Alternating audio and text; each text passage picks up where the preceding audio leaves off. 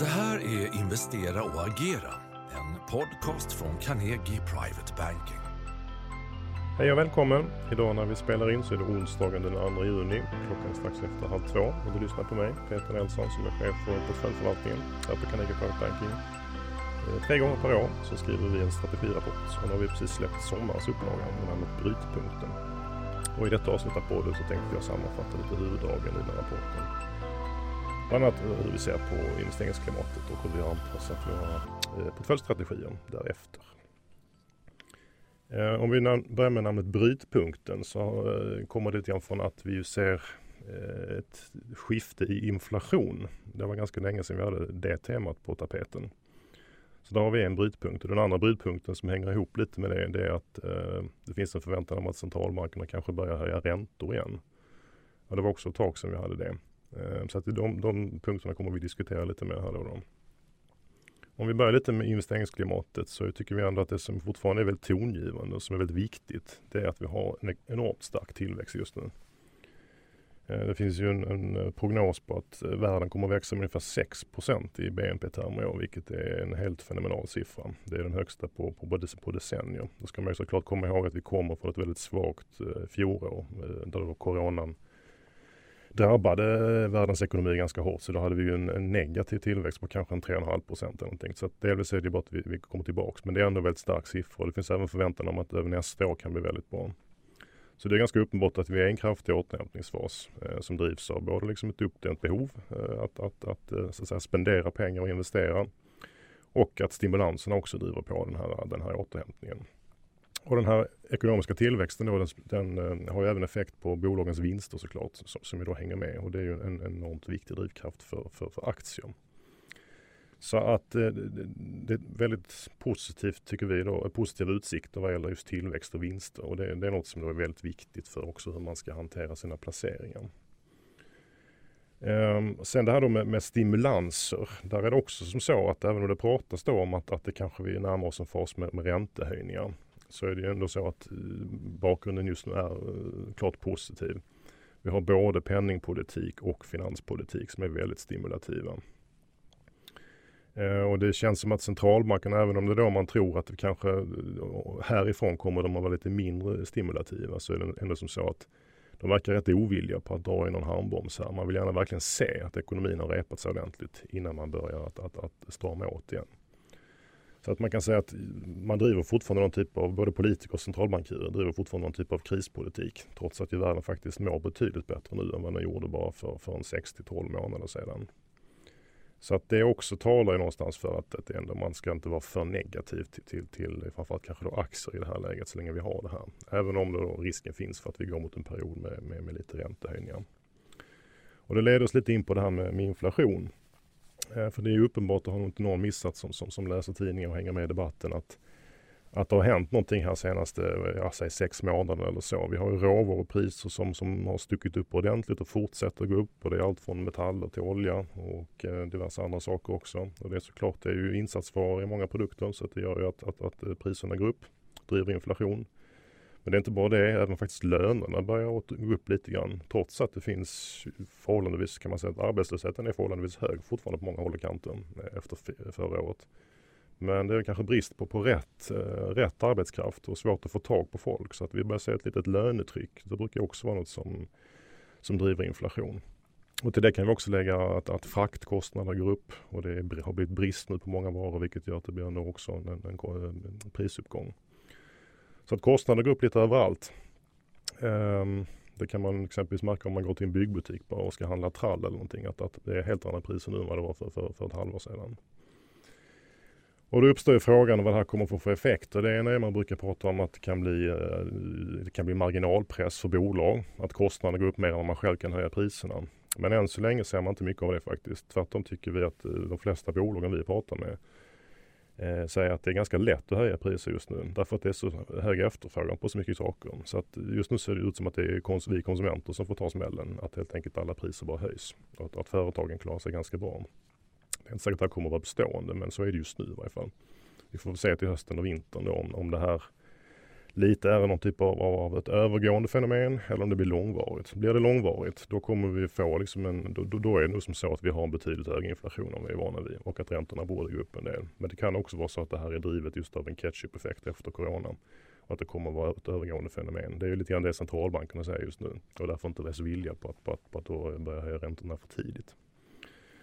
Så vi tycker nog att sammantaget att den här, än så länge är det hanterbart och det ser vi också att finansmarknaden har hanterat det här med ett förhållandevis lugn. Då, då. Men upp, det här är uppenbar risk eh, för, för, för, resten av året och, och även för, för, den kommande vintern. Om det här så att säga blir, blir mer tongivande.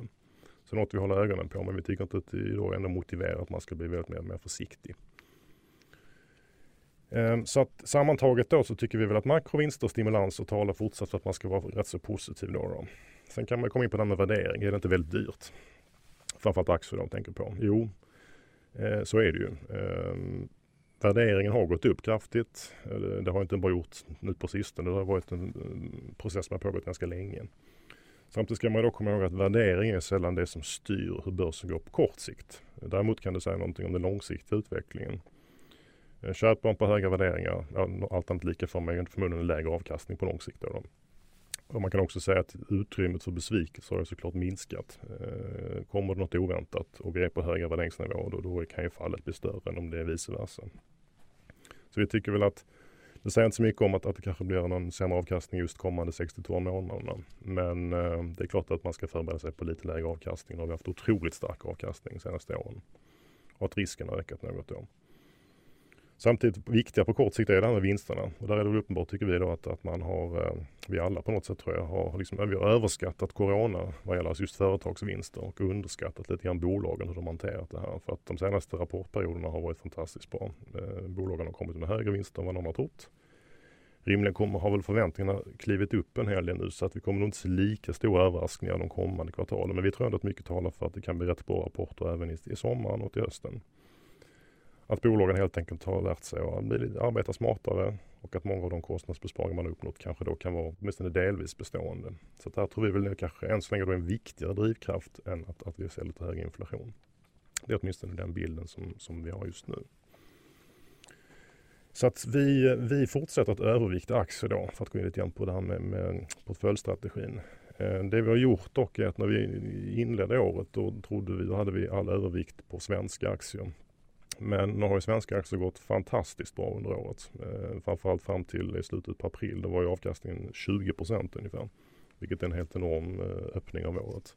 Efter det har vi sett en börs som har konsoliderat mer gått sidledes. Så det är ganska naturligt att vi växer in i kostymen vi tycker på något sätt kanske det är rätt positivt. Man kan bli försiktig när man ser den här konsolideringen och tro att nu är det rekyldags. Vi tycker väl att det är lite styrka egentligen att vi inte får just en större rekyl efter den här uppgången utan att börsen då går sidledes. Det ser vi nu snarare som ett, som ett ganska positivt tecken. Att det finns kraft för att det kan, faktiskt kan gå upp så ytterligare en del eh, när vi väl är färdiga med den här konsolideringen. Nu brukar ju då inte sommar vara en speciellt bra period för börsen. Jag brukar prata om att aktier är en, en vintersport.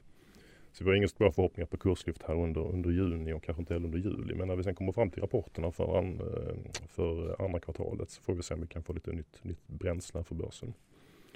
Så vi har spritt övervikten från Sverige till jämnt på både utlandet och Sverige. Ehm, för att jämna ut det lite grann. Sverige har gått lite väl bra kan vi tycka då, så att det inte är motiverat att bara övervikta svenska aktier längre. Men ändå en övervikt på, på, på, på aktiemarknaden.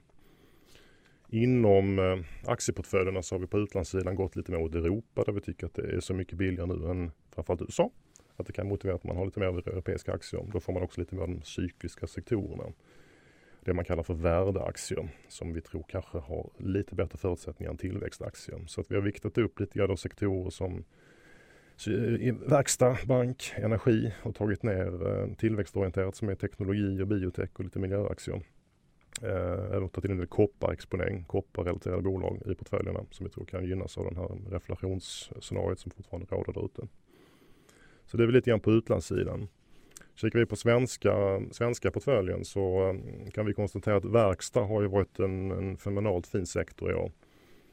Och det är inte så konstigt när vi har en konjunktur som, som, som pekar rakt uppåt. Um, men nu känner vi väl att man får nog bara skilja lite grann här, så agnarna från vettet. För att vi har nog lite grann av ett A-lag och ett B-lag där vi tycker att man nu ska favorisera B-laget, de som är lite lägre värderade. Då tänker vi på bolag som Sandvik och, och Volvo och SKF kanske. Medan de här A-bolagen som är Exempelvis Atlas Copco, Epiroc, Nibe, Alfa Laval. De ser ganska dyra ut och förhoppningarna är väldigt höga. Så att lite mindre förväntningar på verkstad generellt men fortfarande de här lite billigare bolagen kan ha en del uppsida. Men de, de, är högt värderade. Och vi ser väl lite mer potential i en del defensiva aktier istället kanske som har hackat efter enormt mycket sista året. Här kan man nämna några bolag som var i portföljen. Astra ett sånt, Essity ett annat. Eh, som, som vi tycker kanske, kanske förtjänar lite högre värdering än vad man ser just nu. Eh, och har vi en lugnare börs så bör det också tala för att kanske defensiva aktier kan klara sig lite bättre än vad de har gjort tidigare. Och sen vill jag även trycka lite grann på småbolag som vi alltid tycker är spännande. Men, men, när vi kikar nu framåt så ser vi att vi nog kommer ha en betydligt högre vinsttillväxt i de mindre bolagen än i de större. Och de har gått lite sämre i år faktiskt än, än de större. Så att det kan tala för att det, det kan finnas lite mer att hämta där. Och där finns det en uppsjö av olika bolag som man kan botanisera bland. Ehm, så att småbolag är intressant fortsatt. Ehm, Sen om vi går över på de andra delarna i portföljerna som är räntebärande och alternativa investeringar. Där känner vi väl att på räntebärande är det mycket vänta och se. Så länge vi har en rörelse med ändå svagt stigande räntor. även om inte de stiger just nu så är det väl förväntan att de ska fortsätta stiga lite grann under andra halvåret. Så är det väl lite nackdel för, för räntebärande. Så det fungerar absolut som en stabilisator i en portfölj men man kommer nog inte få någon jättebra avkastning på den. Det är väl så vi ser på den. Och då föredrar vi hellre lite grann alternativa investeringar som vi tycker då är har lite mer att ge helt enkelt i den här miljön vi har just nu och som också kan fungera som ett, som ett, eh, som ett portföljskydd. Så det där var väl ett koncentrat på det vi har sagt. Ehm, I, det korta perspektivet tycker vi att det står och väger lite grann. Va? Jag pratar om den här konsolideringen. Vi har säsongsmönstret med, med lite svagare sommarbörs. Eh, samtidigt då är det positivt att, att inte det faller mer än vad det faktiskt skulle kunna göra efter en sån här kraftig uppgång. Vi bevakar den här inflationsoron. Eh, men, men, vi tycker väl ändå att, att de positiva tecknen på lite längre sikt och det pratar 6-12 månader överväger. Och då tänker jag återigen på det här med makrovinster och att vi ser normaliseringen som fortsätter i samhället vilket ändå talar för att eh, vi kan ha bättre ekonomier framöver. Så det var lite grann av, av det jag tänkte prata om. Eh, när vi skriver de här strategirapporterna så har vi också alltid med två investeringsteman. Och i sommarens upplaga eh, har vi skrivit om smarta, smarta material och eh, hur man diversifierar eh, med asiatiska tillgångar. Och detta kommer min kollega Helena Haraldsson att sammanfatta i nästa torsdags podd. Tack för att du har lyssnat. Du vet väl att den här podden finns på både Spotify och iTunes? Om du tyckte det här avsnittet var bra får du gärna ge oss ett betyg eller rekommendera podden vidare.